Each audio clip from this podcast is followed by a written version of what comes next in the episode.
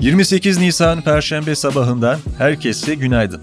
Ben Yakup, yine bir Aposta 6.30 yayınıyla daha sizlere ulaştığım için çok mutluyum. Umuyorum sesim size keyfinizin ve sağlığınızın iyi ve yerinde olduğu bir zamanda ulaşıyordur. Gününüz güzel ve keyifli başlamıştır ve öyle de devam eder umarım. Nisan ayının sonuna geldik sayılır. E, günlerin bu kadar hızlı akıyor olması beni hem şaşırtıyor hem de ne yalan söyleyeyim içimi bir huzursuzluk kaplıyor. Şimdi sabah sabah bu da nereden çıktı Yakup dediğinizi de duyar gibiyim. Hakkınız da var. Açıkçası daha önceleri pek böyle hissetmiyordum. Ee, zaman geçtikçe yaş aldıkça mı bu duygu artıyor yoksa pandemiyle beraber algımız mı değişti bilemiyorum ama ne zaman bir ayın sonuna geldiğimizi görsem daha çok bunu düşünüyorum. Ne ara bugüne geldik ya da ne ara ayın sonuna geldik gibisinden. E, bunu paylaşmak istedim e, eminim sizde de benzer duygular, hisler doğuyordur. Tabi zaman ne kadar hızlı akarsa aksın her salı ve perşembe günlerinde de mikrofonun başında olmak ve bültene daha doğrusu gündeme dair detayları sizlerle paylaşmak benim için inanılmaz bir keyif, inanılmaz güzel bir duygu. Ben sunarken e, çok mutlu oluyorum. Umuyorum sizler de dinlerken aynı keyfi alıyorsunuzdur. Her türlü geri bildirim, yorum, öneri içinde info hesabımızın açık olduğunu ya da herhangi bir yerden sosyal medyadan da bizimle e, bunları paylaşabileceğinizi bu vesileyle de hatırlatmış olayım. Şimdi gelin günün destekçisine bakalım. Sonrasında da e, gündeme ilişkin detayları hemen e, paylaşacağım sizlerle.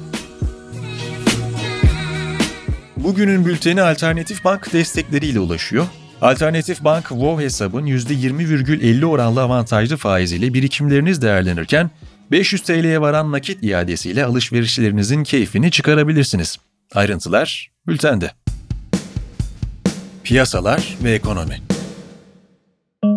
Türk İş'in araştırmasına göre Nisan ayında 4 kişilik bir ailenin açlık sınırı 5323 lira olurken yoksulluk sınırı 17340 lira oldu. Bekar bir çalışanın yaşama maliyeti ise aylık 6965 lira olarak hesaplandı. Deutsche Bank ekonomistleri ABD Merkez Bankası Fed'in politika faizini %5-6 aralığına çıkarabileceğini ve ABD ekonomisinin bundan etkilenerek gelecek sene resesyona girebileceğini belirtti. Almanya hükümeti Rusya-Ukrayna savaşının ekonomik etkilerinin Avrupa'da yayılabileceğini vurgulayarak 2022 için büyüme tahminini %3,6'dan %2,2'ye düşürdü. İş Dünyası Rekabet Kurulu'nun yem firmalarının anlaşma ve uyumlu eylemle rekabet ihlali yaptığı gerekçesiyle başlattığı soruşturmada karar açıklandı. Buna göre kurul 4 firmaya idari para cezası verdi. 3 firmaya ise bilgi ve belgeye ulaşılamaması nedeniyle ceza uygulanmadı. Dünyanın en büyük kimya şirketi BASF, Rusya ve Belarus'ta Mart ayında askıya aldığı gıda üretimi dışındaki tüm faaliyetlerini tamamen durdurma kararı aldığını duyurdu. Şirket, işgalin küresel gıda krizini etkilemesi nedeniyle gıda üretimine devam edeceğini vurguladı.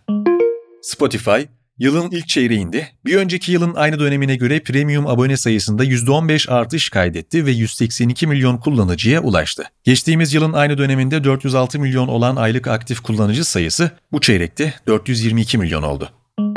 Japonya merkezli Toyota, Mart ayında dünya genelinde geçtiğimiz yılın aynı ayına göre %2,8'lik artışla 866.775 araç ürettiğini açıkladı. Japonya'da meydana gelen deprem ve yüksek maliyetler nedeniyle üretimi %16 oranında düşen şirket, deniz aşırı üretimleriyle ayı rekor seviyede üretimle tamamladı.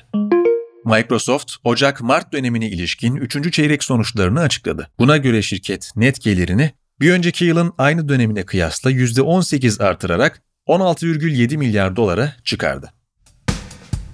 Politika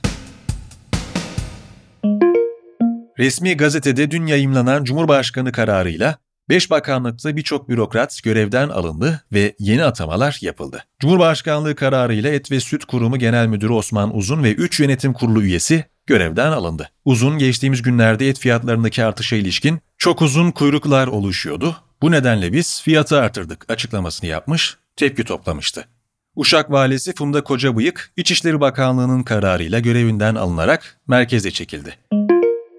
Cumhurbaşkanı Erdoğan, Osman Kavala'nın Gezi davasında ağırlaştırılmış müebbet hapis cezası almasına ilişkin karar bazı çevreleri çok rahatsız etti. Bu adam Türkiye'nin sorosuydu. Bu adam Gezi olaylarının perde arkasının koordinatörüydü. Kusura bakmasınlar, bu ülkede hukuk ve yargı var. artık verilen karara tabi olacaksınız açıklamasında bulundu. Avrupa Konseyi Parlamenterler Meclisi Başkanı Tiny Cox, konuya ilişkin yaklaşık 5 yıl tutuklu kalması ve şu anda da Avrupa İnsan Hakları Sözleşmesi'ni ihlal ettiği ortada olan yargı süreci sonunda ömür boyu hapis cezasına çarptırılmış olması şoke edici. Daha fazla gecikmeden serbest bırakılmalıdır açıklamasında bulundu. Deva Partisi lideri Ali Babacan, Demokrasi ve Atılım Partisi önümüzdeki seçimlere kendi adıyla, kendi şanıyla, kendi logosuyla girme kararını almıştır. Ülkemiz için, demokrasimiz için hayırlı olsun açıklamasında bulundu. Bu şu anlama geliyor Deva Partisi, Millet İttifakı'nın önereceği Cumhurbaşkanı adayını destekleyecek ancak milletvekili seçimlerine kendi belirleyeceği listeyle katılacak. Rusya'nın en büyük enerji şirketlerinden Gazprom, ödemelerini rubleyle yapmayı reddeden Polonya ve Bulgaristan'a doğal gaz tedariğini durdurduğunu açıkladı. AB Komisyonu Başkanı Ursula von der Leyen, Gazprom'un iki ülkeye gaz akışını kesmesini haksız ve kabul edilemez bulduğunu belirterek şantaj olarak değerlendirdi. Avrupa'da doğal gaz fiyatları Rusya'nın Polonya ve Bulgaristan'a gaz akışını kesmesinin ardından %24 yükselişle megawatt saat başına 127,5 avro oldu. Böylece doğal gaz fiyatlarında Nisan başından bu yana en yüksek seviye görüldü. Rusya'nın Ukrayna işgalinin üzerinden iki ay geçerken Rusya Devlet Başkanı Vladimir Putin, Birleşmiş Milletler Genel Sekreteri Antonio Guterres'le görüşmesinin ardından yaptığı açıklamada, devam eden askeri operasyona rağmen diplomatik olarak anlaşmaya varabileceğimizi umduğumuzu bildirmek isterim. Müzakereler yapıyoruz, onları reddetmiyoruz, dedi. Birleşmiş Milletler Genel Sekreteri Guterres ise, şu anda olanlardan derin endişe duyuyoruz. Ukrayna topraklarının istila edildiğine inanıyoruz dedi. Guterres bugün Ukrayna'yı ziyaret edecek.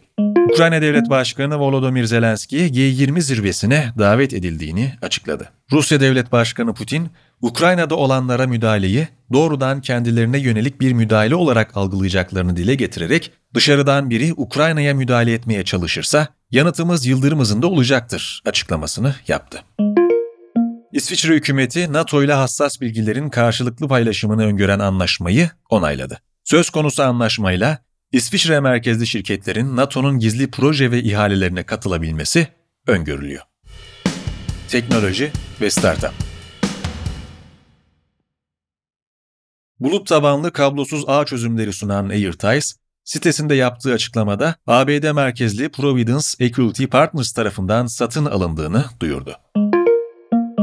Şubat ayında çatı şirketi Global Kitle Fonlama Platformu'nun 15 milyon lira yatırım aldığı paya dayalı kitle fonlama platformu Fon Bulucu, 150 milyon lira değerleme üzerinden 4,5 milyon lira değerinde yeni bir yatırım daha aldı. Üzerinde yer alan projelerin 1 milyar lira fonlama talebine ulaştığı platform, şu ana dek girişimlerin 58 milyon lira yatırıma ulaşmasına aracılık etti. Elon Musk'ın Twitter'ı satın almasının ardından Tesla'nın 1 trilyon doların üzerindeki piyasa değeri 126 milyar dolar düşerek 906 milyar dolara geriledi. Böylece milyarder girişimcinin %17 payının bulunduğu elektrikli araç üreten şirketteki hisselerinin değeri, sosyal medya platformunun %9,2 oranında hissesini aldığını açıkladığı 4 Nisan'dan bu yana 40 milyar dolar gerilemiş oldu. Google CEO'su Sundar Pichai, YouTube Shorts'un günlük 30 milyar izlenmeye ulaştığını bildirdi. Pichai, 10 bin dolar ve üzeri gelir elde eden YouTube kanallarının sayısında da %40 oranında artış yaşandığını sözlerine ekledi. Bireysel yatırım uygulaması Robinhood'un CEO'su Vlad Tenev, şirketin tam zamanlı iş gücünün %9'unun işten çıkarılacağını duyurdu. 3400 çalışanı bulunan firmanın bu kararının 300'e kadar çalışanı etkilemesi bekleniyor. Spor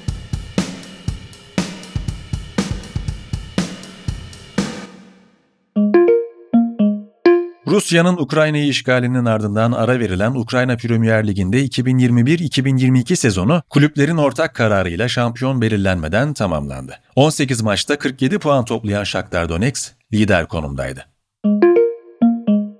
Gazeteci ve Roger Federer biyografisi yazarı Rene Sutuf'a göre Federer 22-30 Ekim tarihlerinde Basel'de oynanacak 2022 Swiss Indoors turnuvasına katılacak. 40 yaşındaki raket 2021 Wimbledon'dan beri korta çıkmadı. Federer, Eylül ayındaki Lower Cup'la kortlara dönmeyi planlıyor.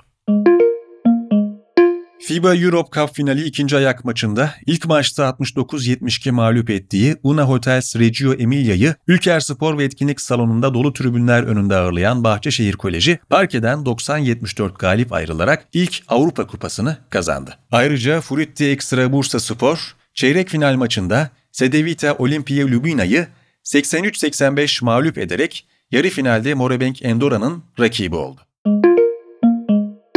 Bu haberle beraber bana ayrılan sürenin sonuna gelirken Günün Hikayesi kanalında S-400'lerle alakalı bir haberin S-400'lerde ikinci parti olacak mı başlığıyla sizlerle buluşturulduğunu da belirtmek, günün hikayesini de hatırlatmak isterim göz atmayı unutmayınız.